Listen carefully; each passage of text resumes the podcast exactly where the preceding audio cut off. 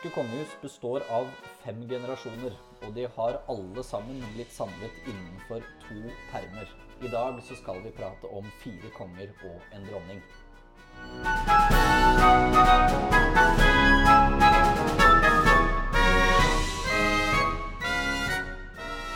Jeg skal eh, ikke prate alene. Ole Jørgen Schulzrud Hansen heter jeg, og så har jeg med meg Tor Boman Larsen. Det er meg.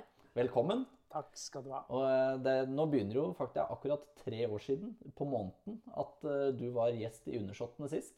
Ja, da lanserte jeg siste bind i, i serien om Håkon og Maud. Det stemmer. Ja, det var slutten. Det var kongen. Ja, ja. Det var, uh, da var du hos oss, så nå er du tilbake igjen med en ny bok. Så det er igjen litt om kong Håkon òg. ja, kong Håkon ville jo fylt 150 år i år. Så det er jo liksom Da må han opp og stå igjen. Og for, eh, for våre lyttere som ikke vet hvem du er, det antar jeg at de fleste egentlig gjør, men du er jo forfatter, tegner, historiker og kongehusbiograf. Eh, Du har skrevet 26 bøker innen sjangeren roman, tegneserie, billedbok, essays og eh, biografi, inkludert da oktettbiografien om kong Haakon og dronning Maud. Og nå ute med ditt 27. verk, det. eh, hvis Store norske leksikon har rett. da. Ja, gud vet. Og dette, denne, det er en billedbok, er vel riktig å si? Billedverk. Billedverk, ja, den er- Billedbok blir litt mer sånn Ja, det er litt barnlig, kanskje. Ja, ja, litt, litt. Et billedverk. Og øh, verket heter da 'Fire konger og en dronning'. Kong Haakons arvinger på den norske tronen. Mm. Så var ikke åtte bøker om kong Haakon og det norske kongehuset nok? Nei. Nei. Nei, det, det var vel eh, Aftenpostens anmelder om den siste boken skrev jo det at han ville ha mer. Og, det tyder vel på at det ikke var så galt, det jeg har skrevet med de 4000 sidene. eh, Og kanskje en 8000-9000 fotnoter. Men det er klart, det som skjer her, da, er jo bortsett fra at vi lager et billedverk eh, Jan Haug, mangeårig slottsarkivar og fotograf, som er billedredaktør for dette. Og jeg, det, det ene er billedsiden, som nå liksom på en måte har fått uh, førstefiolin. Det ble et dårlig bilde på Det ble et lydbilde, men like greit. Uh, det, det er det ene. Det andre er jo at uh, jeg har trukket uh, linjen helt opp til vår tid. Fra Håkon 7., altså 150 år siden hans fødsel, og så ser vi, og det så vi egentlig ved, ved myndighetsdagen til eh, prinsesse Ingrid Alexandra, at eh, da kom bildene hvor du så bystene av kong Haakon og kong Olav i statsrådsværelset. Eh, og så kommer vår gamle, kjære kong Harald inn, litt dårlig til bes, men likevel, og, og kronprins Haakon. Og så altså femte generasjon og vår første dronning Ingrid Alexandra som skrider inn i statsrådssalen. Og dermed har vi fem monarker på ett brett for første gang. Et uh, nokså historisk bilde. Ja, det vil jeg si. Og, og, og det som slo meg da, var også ja, dette er ikke bare noen konger, det er et dynasti som nå er etablert i Norge. Fordi liksom denne kongerekken etter Bernadottene, da, etter Sverigeunionen, den har liksom vært Det er Haakon, og så kong Olav. Og så Harald også. Tre konger, liksom. Men eh, når vi trekker opp i fem, så vi, har vi like, like mange monarker som vi hadde under hele svensktiden. Det var altså fem. Og de satt mye kortere. Eh, Så her har vi en hel historisk epoke som ikke er avsluttet, men vi ser jo nå fremover eh, til kong Haakon den åttende, formodentlig. Tar han det navnet en gang i fremtiden. Og bak der igjen også dronning Ingrid den første. Så denne perioden ville, hadde monarki, eller hadde vi fått et nytt fyrstehus eller noe som ble kalt for Glucksburgertiden, da? Ja, det, ja, sånn som vi snakker om, eh, så, om Bernadotte-kongene, så, så, så kan vi si det. Og det, vi har liksom ikke villet vektlegge den dynastiske siden av vårt moderne kongehus, fordi det viktige var jo at det var nasjonalt.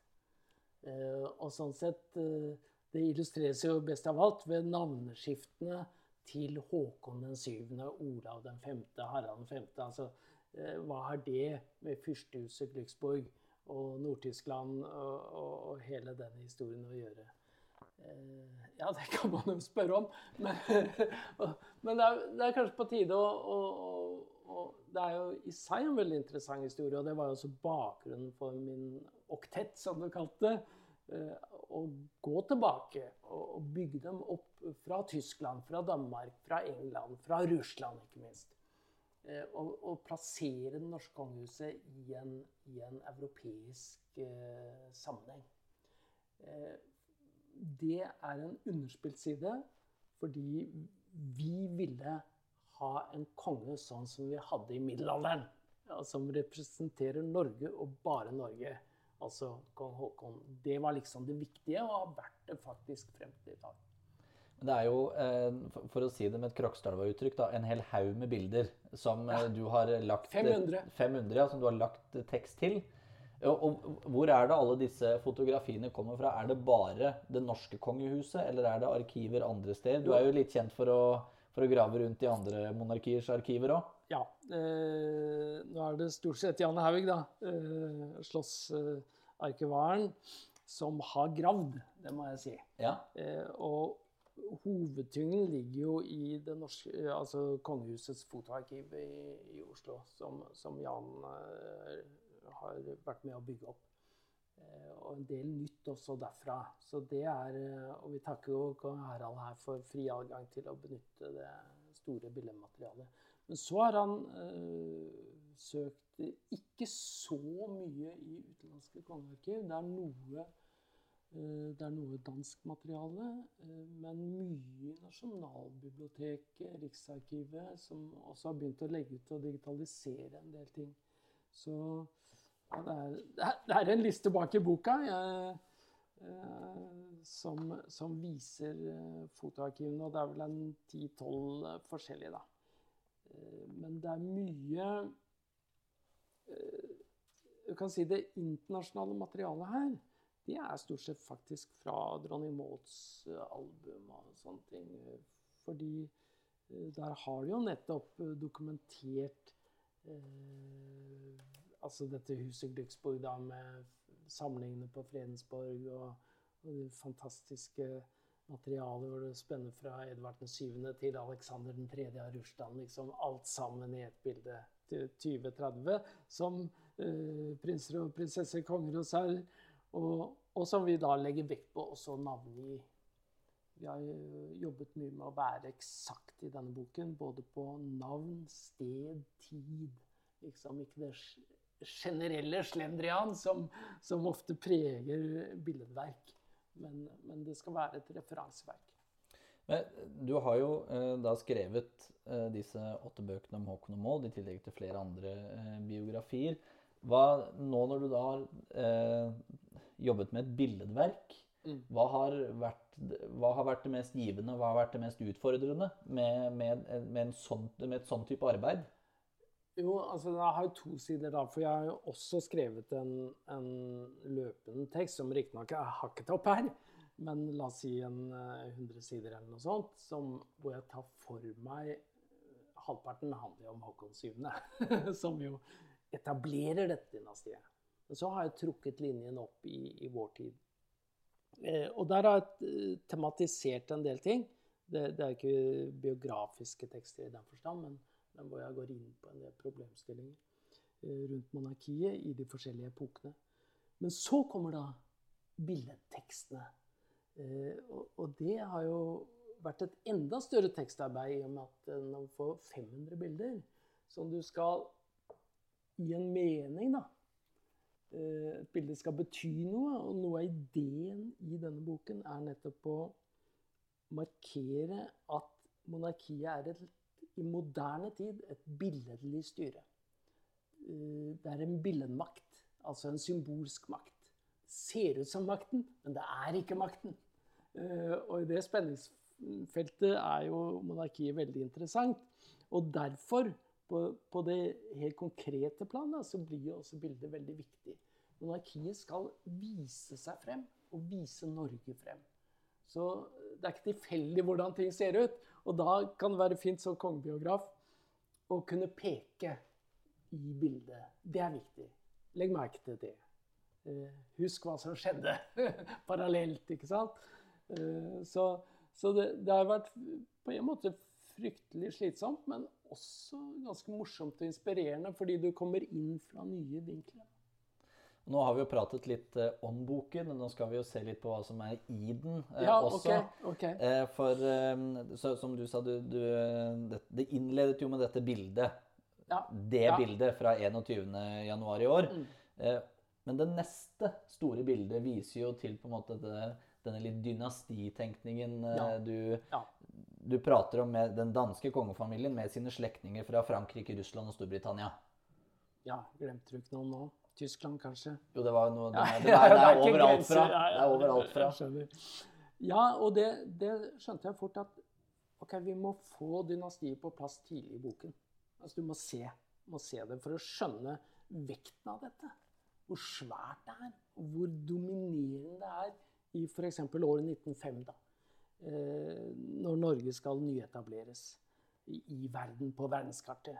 Eh, og du ser det jo bare på dette bildet, som for øvrig finnes i forskjellige varianter. Det er ganske morsomt, fordi eh, fotografen er der. Så, så, og han knipser ikke epler, han knipser flere. ikke sant? Så du har små endringer i ansiktsuttrykk og sånne ting. Eh, men her ser du jo ja, dette, dette oser jo makt eh, i sin samtid.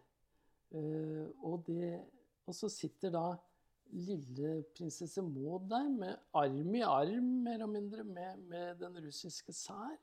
Og bak i hogget der så står da en pingle som er prins Carl, den kommende, kommende kong Haakon. Og de er allerede i, plassert i, i, det store europeiske maktapparatet, selv som barn. Og den, den siste russiske tsaren er jo også på dette bildet, men han er jo gjemt bort i bretten. Ja, for det er borti bretten. Ja, det er helt riktig. Det, det, det, var det eneste jeg hadde, hadde å pirke på i boka, var at den stakkars siste tsaren var gjemt bort. Ja, ja, ja. Han er jo, er jo, senere i boken, da, men akkurat der så har han ramla, ja, ramla vekk. Bretter er noe herk vet du, i bøker. Og stort sett så uh, Jeg har sittet sammen med designeren her og, og, og, jobbet gjennom dette. Og jeg er veldig, stort sett veldig påpasselig med det. Men, men noen måtte ofres i akkurat det bildet. For de er jo da om bord på, på Polar, Polarstjernen. Ja, eh, Dette, det. det. er vel da kongeskipet, eller keiserskipet, da, til ja. den russiske keiseren. Mm. Og dette er jo eh, mange år før uh, prins Carl av Danmark og prinsesse Maud av Wales gifter seg. Ja. Fordi, Cirka 1885 står det her, sier jeg. Det er elleve år før, da. Ja. Eh, og eh, videre i dette kapitlet så eh, er det jo det er en del, eh, del private bilder tilhørende dronning Maud, vel, eh, hvor det er helt tydelig at hun prøver å skape en, en britisk gentleman ut av ja. denne danske prinsen. Ja, ja. ja det, det, er riktig. Det er ikke minst en billedserie der hvor han har fått seg tweeddress. For det, det, det, var vel en kjensgjerning at, at, kong Haakon var veldig glad i Storbritannia og på en måte det britiske fyrstehuset med kong Edvard. Ja, og... Eller den gang så var han jo bare fyrste av Wales, da, men Ja, og du kan, du kan, si at eh, hele basisen for vårt nye monarki ligger jo i England. Og, og, og fordi imperiet var så mektig når vi skulle løsrive oss fra Sverige, så trengte vi en stormakt på vår side, så å si, som vi følte iallfall var på vår side. Og da var jo det å sikre seg eh, datteren til den britiske kongen Edvard 7., det var jo en pant for vår sikkerhet. Så, og, men, men, men, det rare Og da er vi i 1905, men det er jo da allerede ni år etter at prins Karl av Danmark gifter seg inn i dette fyrstehuset. Og han er jo også blendet av britene. De var jo tidens idealer, ikke sant? Så hans ideal var jo å bli en britisk gentleman, og det skulle også sønnen, den kommende kong Olav, bli det var håpet for gutten. Høyere kom du liksom ikke. Selv det å være kongelig var jo ikke større enn å være brite. Iallfall hvis du tilhørte en viss overklasse, da, eller aristokratiet. Dette var jo en oppgradering for prins Carl, dette giftermålet å få gifte seg med en britisk prinsesse, men det var jo ikke det samme for prinsesse Maud. Det ble jo en, kall det en degradering, i hvert fall tittelmessig. Ja. Eh, det å være prinsesse av Danmark, som hun da ble, det var ikke akkurat noe opptur. Og og jeg har skrevet om det før, og jeg streifer det vel her også, at, at for prinsesse Maud så var det å forlate København og Danmark eh, kanskje viktigere enn å komme til Norge som dronning. Så det er en avskjed som er viktig. Like betydningsfullt som en ankomst. Og så da i eh, Dette er vi da i uh, juni-juli 1905 at uh, prins Carl får det han selv har omtalt som et motbydelig møte ja. med en norsk Ja, en baron på overtid, er vel det du har kalt i, i boken? Ja, baron Wedel Jarlsberg. Det var jo et funn som jeg gjorde under arbeidet med Jeg jobbet jo 20 år med, med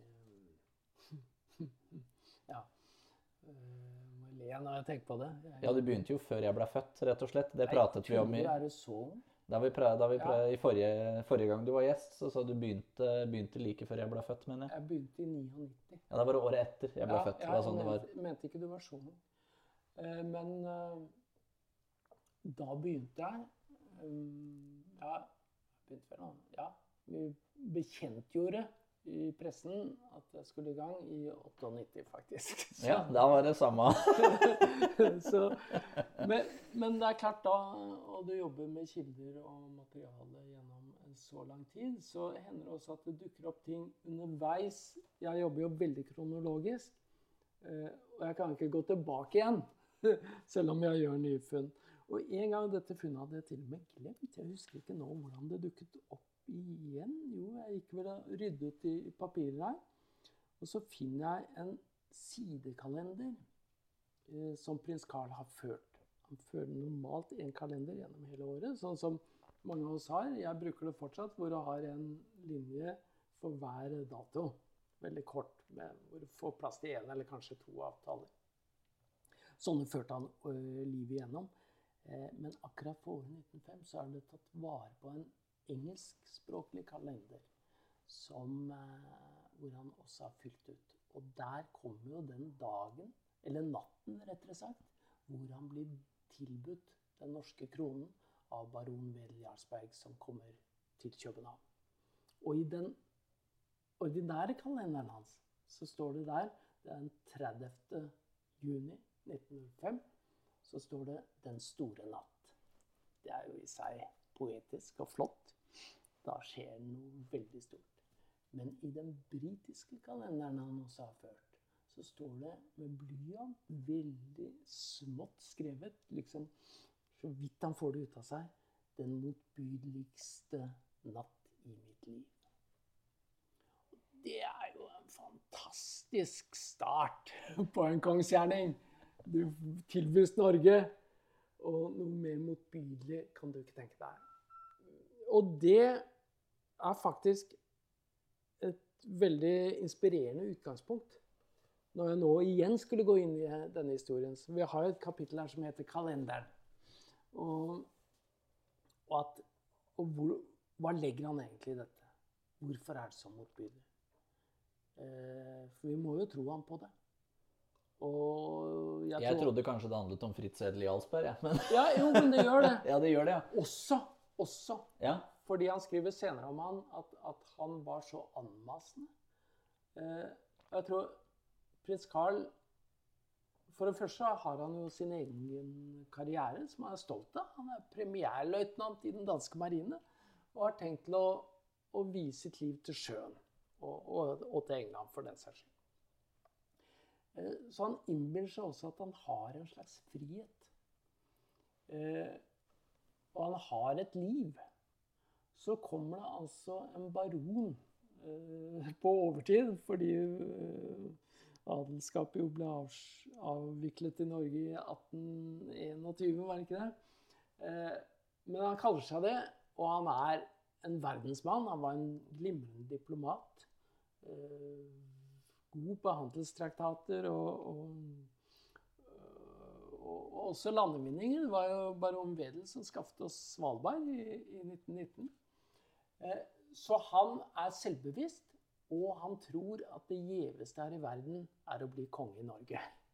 Så han dunker dette inn som om prins Carl ikke skulle ha noe å ofre på å ta imot det tilbudet. Som om det kongeverdigheten i et fremmed land var det største og viktigste og mest strålende han kunne tenke seg. Det var det ikke. Eh, og det blir ikke forstått av baron Wedel. Og samtidig vet prins Carl han er nødt til å si ja. Og han har allerede gjort det til sin britiske svigerfar, som var den første som spurte ham. Så han sitter allerede i knipetang. Har ikke spesielt lyst. Han føler ikke at han er noe kongsemne. Og har aldri higet etter det. Så, så han sitter i, i saksa. Norgessaksa. Og, og finner sin situasjon motbydelig. Og det kan vi kanskje forstå. Baron Wedel forsto det ikke.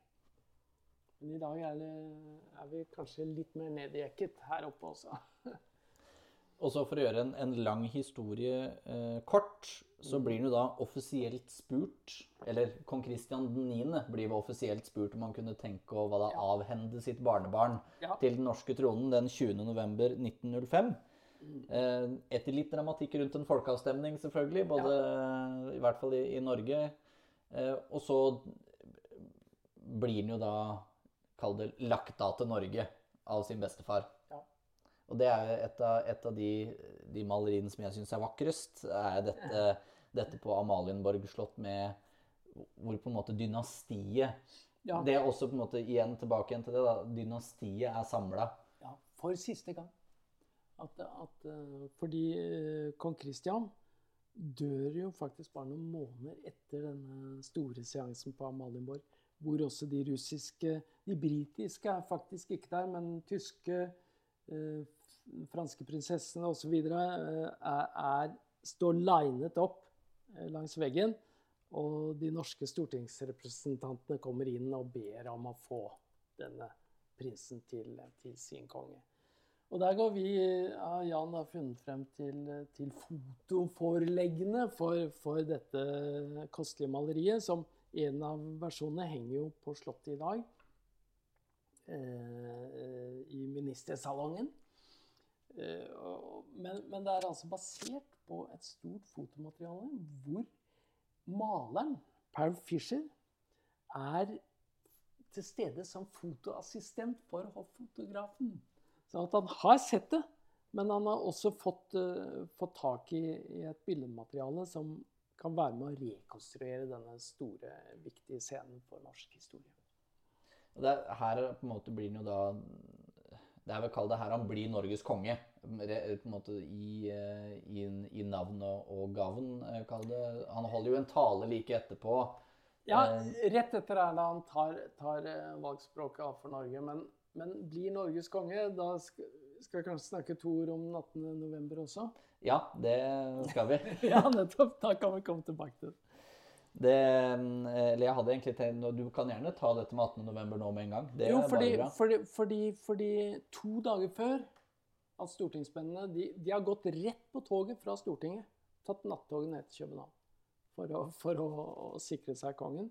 Fordi den 18. november så ble han valgt, prins Carl, enstemmig av det norske storting. Etter da folkeavstemningen, som jo var 80 eller noe, men representantene eh, respekterte folket og valgte ham. Også replikanerne stemte da for, eh, for kongen, eh, prins Carl. Og så svares det med telegram fra København at han antar valget, takker for enstemmigheten og vil ta navnet Håkon den 7.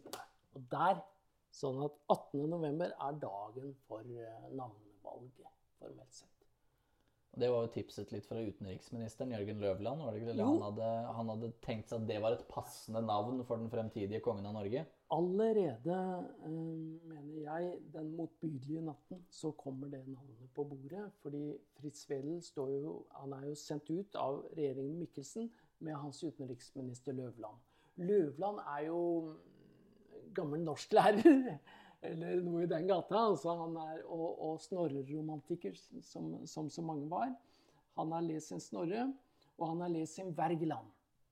Eh, Og Wergeland skriver jo et dikt til det norske storting på 1800-tallet, eh, hvor han er en formulering om Akershus festning, og at tårnene på Akershus må få se Håkons tid igjen.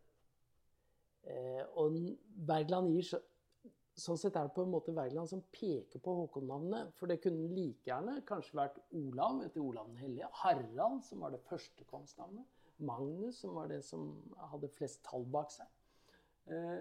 Men siden Wergeland hadde snakket om Håkons tid som skulle komme tilbake, så var det naturlig eh, for Løvland, den beliste mann, å, å, peke den veien. Og han begrunnet det også på den måten. Sånn at Fritz Wedel har faktisk det navnet i kofferten.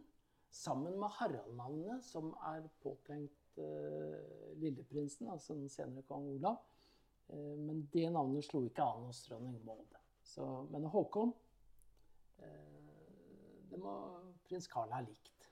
Så var det jo en passende historisk tilfeldighet da, at den, den, nye kongen og hans arving fikk navnet etter de to siste kongene av det selvstendige Norge. Nettopp. Og det, og, og, og det går litt også på Det var jo kong Haakon som, som grunnla Akershus festning. Det er Haakon 5., og Haakon 6. satt jo der som, som monark. Eh, og hans lille sønn er det jo da som blir den siste av den gamle kongerekken. Olav den fjerde. Så drar jo eh, dette nye, den nye kongefamilien til Norge 25.11. Og så avlegger kong Haakon eden sin i, ja. i Stortinget den 27. Og da kommer vi til det neste kapitlet, som da bare heter Eden. Ja, det gjør kanskje det. ja, så, så, så, vidt jeg husker fra jeg leste det, så er det det. Og, og så der inngår jo også kroningen, da. Ja, og eh, eden han avla var vel 'Jeg lover at regjere kongeriket Norge i overensstemmelse med dets konstitusjon og love, så sant hjelpe meg Gud og Hans hellige ord'. Ja.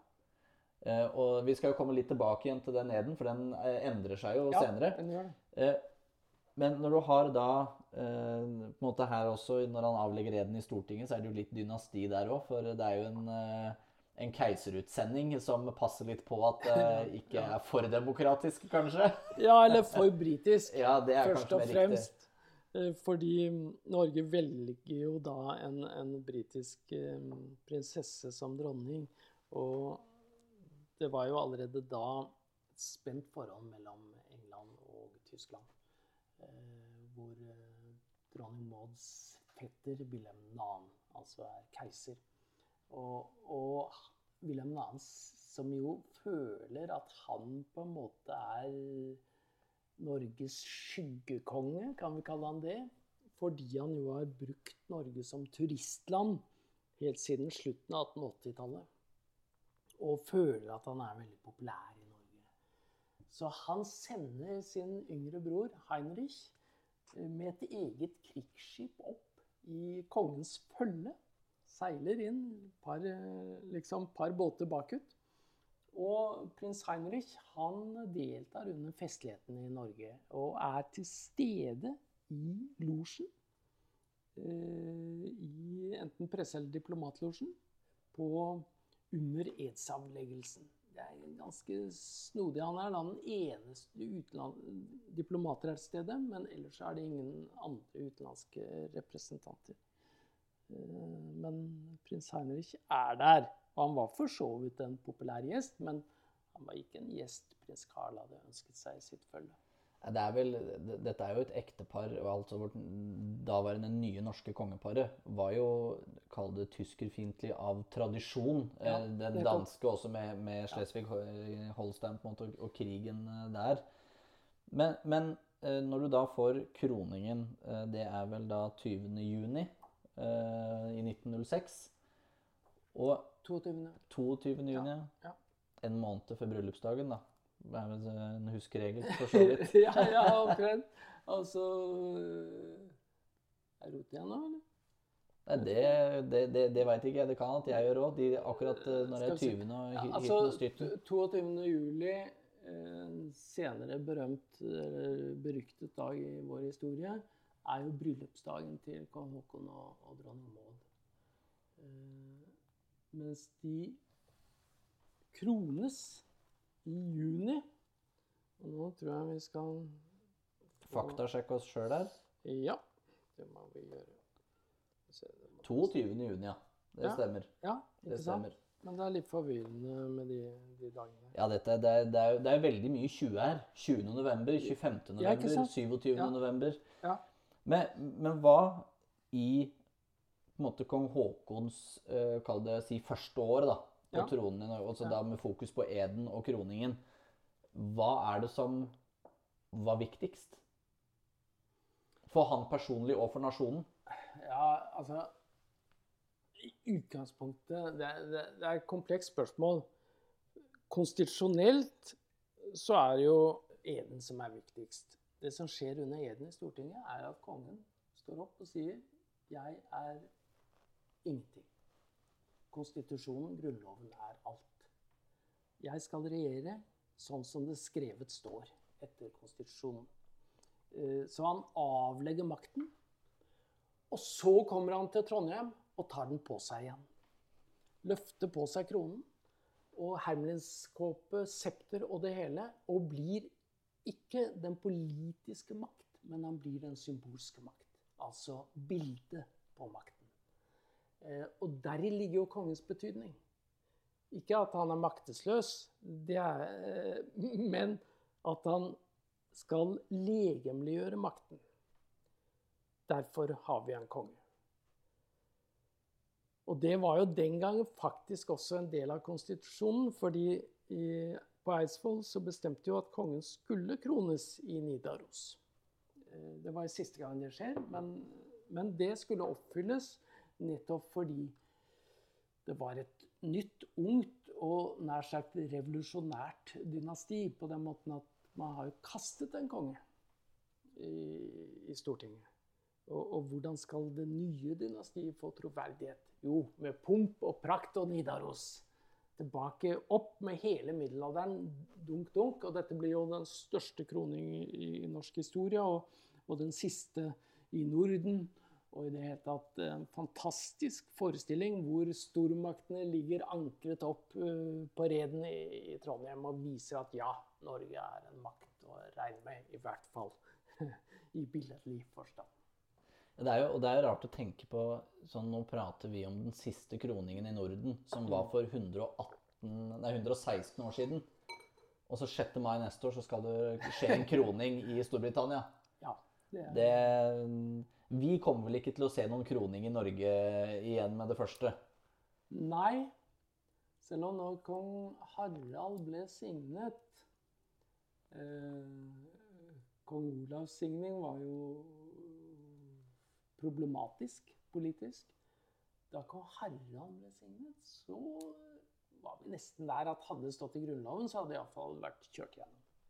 For stemningen for, for pomp og prakt og monarki var egentlig så sterk. Men eh, Og det som har skjedd med signingen, er jo at den har kommet tettere og tettere på kroningen. Ja, kroningen, Kronen er nærmere og nærmere kongen Ja, i, i katedralen. Ja, nå er det bare en meter fra kongens hode. Så ja, når Ingrid Alexandra en gang skal krones, så kanskje vi er der. Kan hende. Det er lov å håpe, iallfall. For jeg, meg som er litt glad i pumpen og prakten. Men eh, de videre bildene i, Ja. i, i boken er jo Det er veldig mye folk. Altså folket. på en måte. Ja. Har du, du har de folkevalgte på, Ja. på Stortinget. Og så kommer jo da kongen ut til, til resten av folket, da. Ja. Eh, er dette på en måte kall det en gjennomtenkt symbolikk, eller har det blitt sånn? Ja, altså Det er ikke så mange bilder av folket, men vi har blåst opp Ja, de, Ikke sant?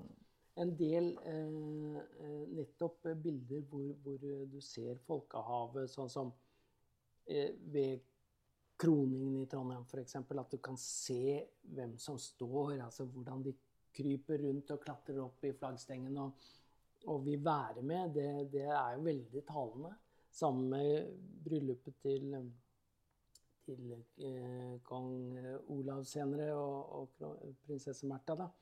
Eh, hvordan de står langs Karl Johan, eller når eh, kong Haakon etter krigen besøker eh, små samfunn i Nord-Norge hvor samene kommer i sine kofter. Alt dette er jo, eh, altså, Du må på en måte ha et blikk den veien også, for å se folket, for å sette kongen i sitt relieff. da, og Forstå hvem han faktisk er i sin samtid. Så kom jo etter hvert til krigen. Det, men den har jo ikke fått et eget kapittel, som en kanskje Nei. skulle tro. Ja. Du har kalt kapittelet 'Samlingen'. Ja, riktig. Og eh, jeg, jeg tenkte litt på det i etterkant. At Mm. er det, det er på en måte Det er jo der kong Haakon på en måte sementerer sin kongegjerning Mm. eh, og blir satt opp på denne pidestallen som han gjerne skulle bli tatt ned fra etter krigen. Ja. Eh, men det er jo også samlingen av landet Ja. etter krigen. Mm. Rent politisk. Eh, på en måte Ved at du har denne flertallsregjeringen. Det er ganske mye symbolikk i det ene ordet. Ja, og det er jo det han bruker i 1905 eh, i sin programtale. Da han tar valgspråket 'Alt for Norge', så sier han at min oppgave skal være å samle, ikke å splitte. Det vil si, og i det lå, jeg skal ikke være politisk. I den forstand at jeg er knyttet til en politisk side, høyre eller venstre. Som Oskar var jo høyremann, ikke sant? Eh, Og kong Kristian var høyremann. De støttet seg på, på politiske eh, strømninger. Nei, han skal tilhøre alle partier. Og sånn sett er samlingen er, Det er hans politiske program. Og det når han Og, og, og derfor er ikke krigen er ikke det eneste punktet. Han begynner dette arbeidet da han Iallfall eh, praktisk, da han peker ut den første Arbeiderpartiregjeringen i 28. Eh, Og der, der legger han grunnlaget videre opp mot krigen, sånn at når Norge angripes i 1940, så har vi jo en sosialistisk regjering som respekterer kongen, og kongen respekterer dem. Så at vi har et veldig godt politisk grunnlag, egentlig. Militært var det jo en katastrofe. Men politisk var Norge godt rustet til å motstå en eh, nazistisk eh, okkupasjon. Og dette blir jo forsterket da dramatisk gjennom eh, krigsårene. Hvor kongen, eh, kongens symbol jo på en måte H7, som jeg skriver, blir identisk med paragraf 1 i Grunnloven. Norge er fritt, selvstendig osv. Dette er kongens tre nei, er det ikke det du sikter til, sikter til da? Jo, de tingene han gjør som er politisk avgjørende, og hvor han også hele tiden har sin regjering på sin side. Eh, Både et nei til tyskerne, et nei til Stortinget, som jo forsøker å skape et samarbeid med tyskerne, de politiske partiene hjemme i Norge, når han sitter i London. Eh, Og et nei også til hjemmefronten, når de forsøker, altså deler av den, å gjøre kongen til sin leder i ikke demokratisk konstitusjonell forstand, men faktisk som politisk makt. Og det har kongen lært seg. Da er han blitt en eldre kar øh, på de 70. Eh, Så skjønner han at nei, det er ikke den politiske makt som teller. Det er den billedlige, den symbolske makt som gir meg styrke. Og den skal jeg holde fast ved. Og I biografien om kong Haakon så avslutter du dette kapitlet ganske passende. Nei, nei og atter nei. Ja. Ja. Ja. og det oppsummerer vel det hele. Ja. ja. Eh, og så var det jo et bilde selvfølgelig som jeg eh, la litt spesielt merke til. Jeg mener det var lagt til, for der du skriver jo at det var siste gangen eh, kong Haakon så kong Gustav av Sverige. ja, ja. Og det er jo trekongemøtet i 1939. Ja, ja, jeg la til det, ja. Mm. Det, det er der hvor, hvor du ser eh, kong Kristian 10., Gustav 5., kong Haakon, men også da den, eh, den, den andre folkevalgte i mengden der, og det var jo Kysto Kallio, president av Finland. Ja, nettopp. Der sitter de. Eh, der sitter de. Eh, Galla for fred, som, vi kaller det. Det var ikke så veldig vellykket, det møtet. Nei, det skal jeg love deg. det har jeg lest mye om. ja, men har det kommet deg noe dypere? Nei da, det var jo det var masteroppgaven, holdt jeg på å si. Det var jo det det blei. Det, Å ja, du skal tilbake nå til Malmö. Ja, det, det, det, det jeg vurderer. Så, men men dem, de, de var jo til stede i 20 minutter. holdt jeg å si. De åpnet og lukket møtet, og ellers så dro de på lunsj hos prinsesse Ingeborg, vel. Men, men bildet taler jo for seg i den, nettopp den symbolmakten som du har pratet om, da, og som blir spesielt viktig under andre verdenskrig. Ja. Så eh, dør jo kong Håkon Haakon 7. 21.9.1957. Ja, der traff du datoen. Og kisten i Slottskapellet er da pyntet med viktige ordener. Ja. Men det er jo ingen serafimerorden fra Sverige. Hvis jeg eh, husker. Det er i hvert fall ikke ordensbåndet. Er jo ikke der. ja, men det er litt rart, for han får serafimeren. Men, det, men det, kan det ha hatt noe med forholdet til Sverige å gjøre? At han ikke ville ha den der?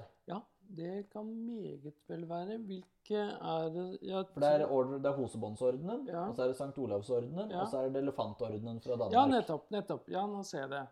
Eh, Kong Haakon fikk jo serafimeren som prins Carl eh, av kong Oskar eh, direkte under et flåtebesøk, tror jeg det var, i Sverige som på, på 90-tallet. Eh, og bar den sikkert ved mange anledninger, men det er klart etter verdenskrigen så var jo ikke Haakons forhold til, eh, til Sverige Nå ble det jo gjenopprettet med Gustav Adolf, så jeg tror nok det går litt også på plassmangel. Jo, men jeg tenker, eneste jeg tenkte på, var det at kong Olav hadde jo fire ordener.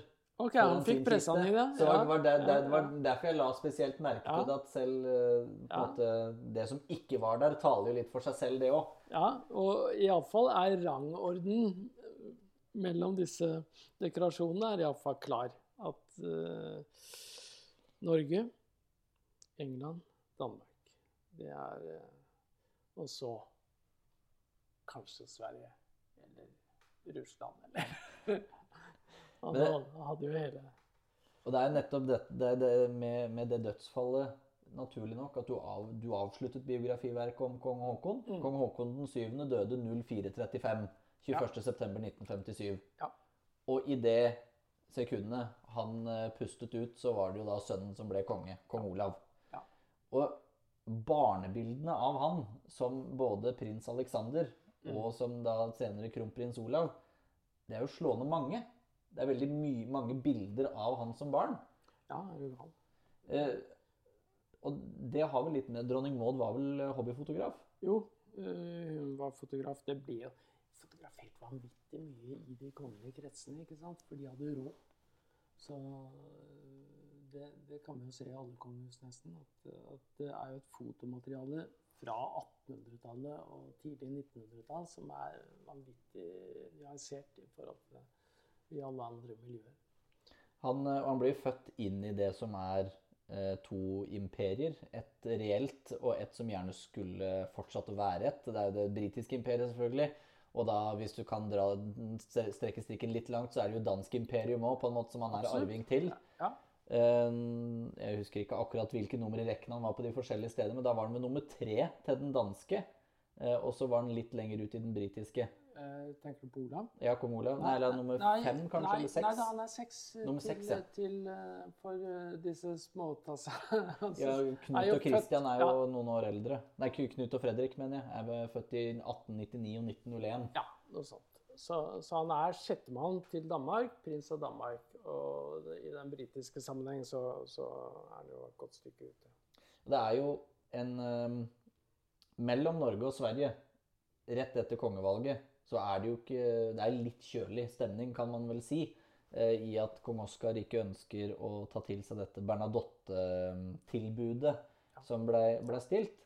Men det endrer seg jo i 1929 da, med denne forlovelsen mellom prinsesse Märtha og Sverige, og som det påpekes i boken, var født prinsesse av Norge og Sverige. Ja, Og så blir hun da kronprinsesse av, av det samme, samme landet. Mm. Og der har jo kronprinsen på seg serafimerordenen. OK. Er Det det noe du har registrert? Jeg kan ikke huske at jeg har eh, kommentert det. Jeg bare så, så, Du la merke til det? ja? så kjede at det var Ja. helt tydelig at, at det, om det er gitt i den anledning, eller om det er gitt uh, tidligere, det, det vet jeg ikke, men det var jo ved den forlovelse, Ja. forlovelsesinngåelsen. Det var ved 21. mars 1929, hvis Ja. jeg husker riktig. Her har vi den. Mm. Okay. Ja, Der har han Serafimerordens, eh, den krasjanen. Ja. Med det- de greske, greske bokstavene for Jesus, IHS, er vel det det står inni den. Det er det samme som henger over den duken i alteret i Slottskapellet. ja, men har noe med svenskene å gjøre. Ja.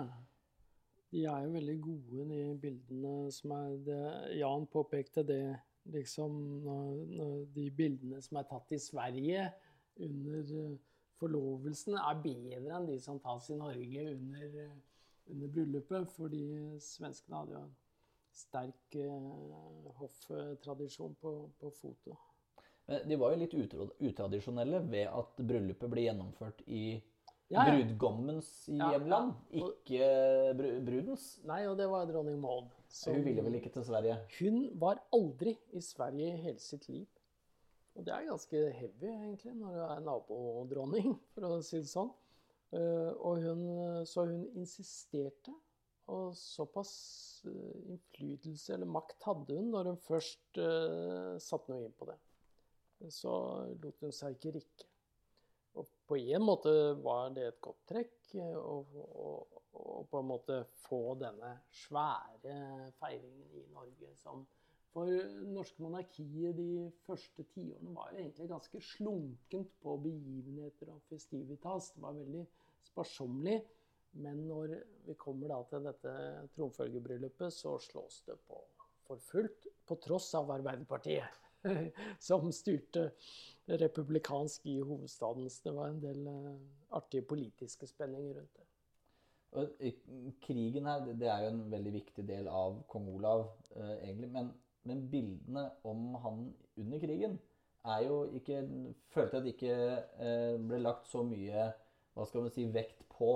Det er mer seileren og krigsminneren. På en måte mannen som minner, minnes krigen hele veien igjennom. Ja, det, det, det, er, det er nesten litt i flukt med Tore Rems eh, fremstilling av eh, kong Olav også. Riktignok bruker han mye plass på krigen òg, men, men det at han lever i en minnetid hvor, hvor vi eh, Egentlig kultiverer nesten minnet etter fa- far og, Ja. og, og den krigen som, som faren symboliserte motstanden i. da.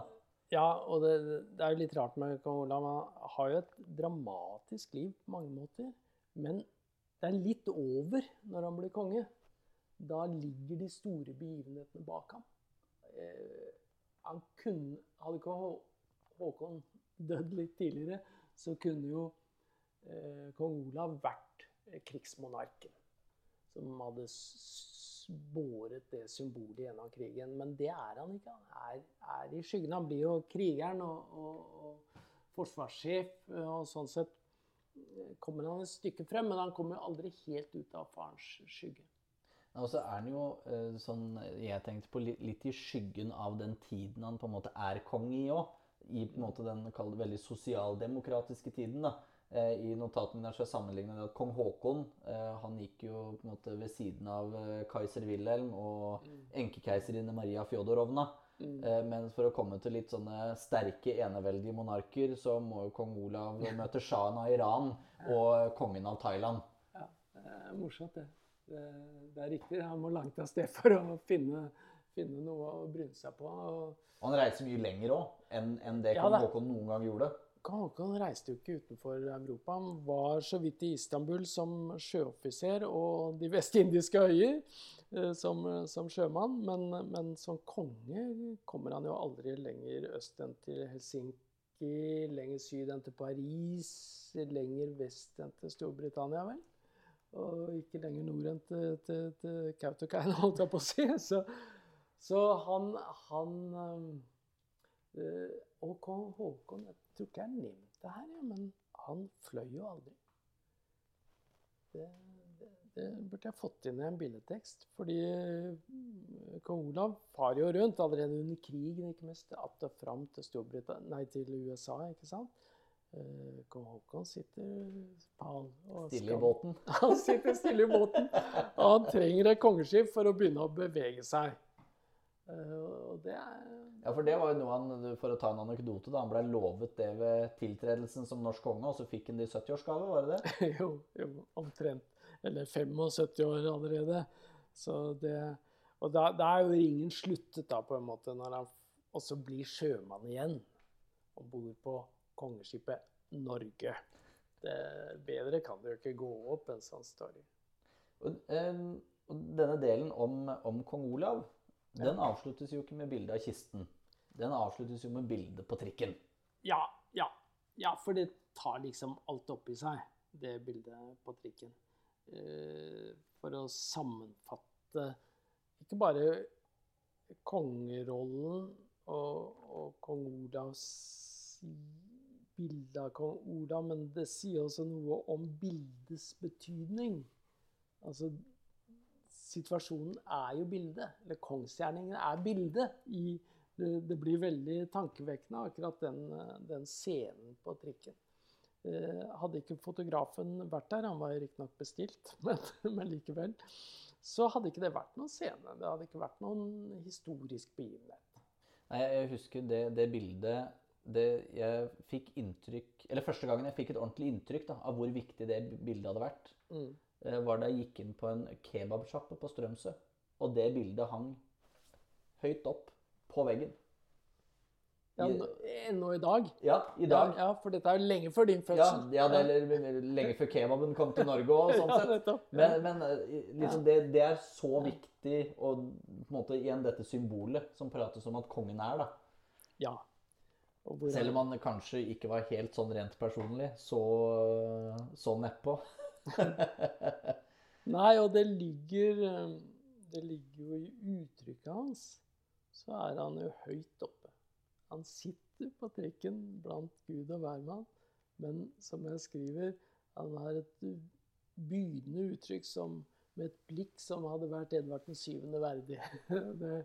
Så det er en majestet som sitter der og skal ha penger igjen på, på, for billettene sine. Og eh, kong Olav han eh, døde da 17.1.1991, 2240, hvis jeg husker tidspunktet, tidspunktet riktig. Og der så må vi nesten avslutte denne episoden, eh, for nå har vi prata nesten 50 minutter.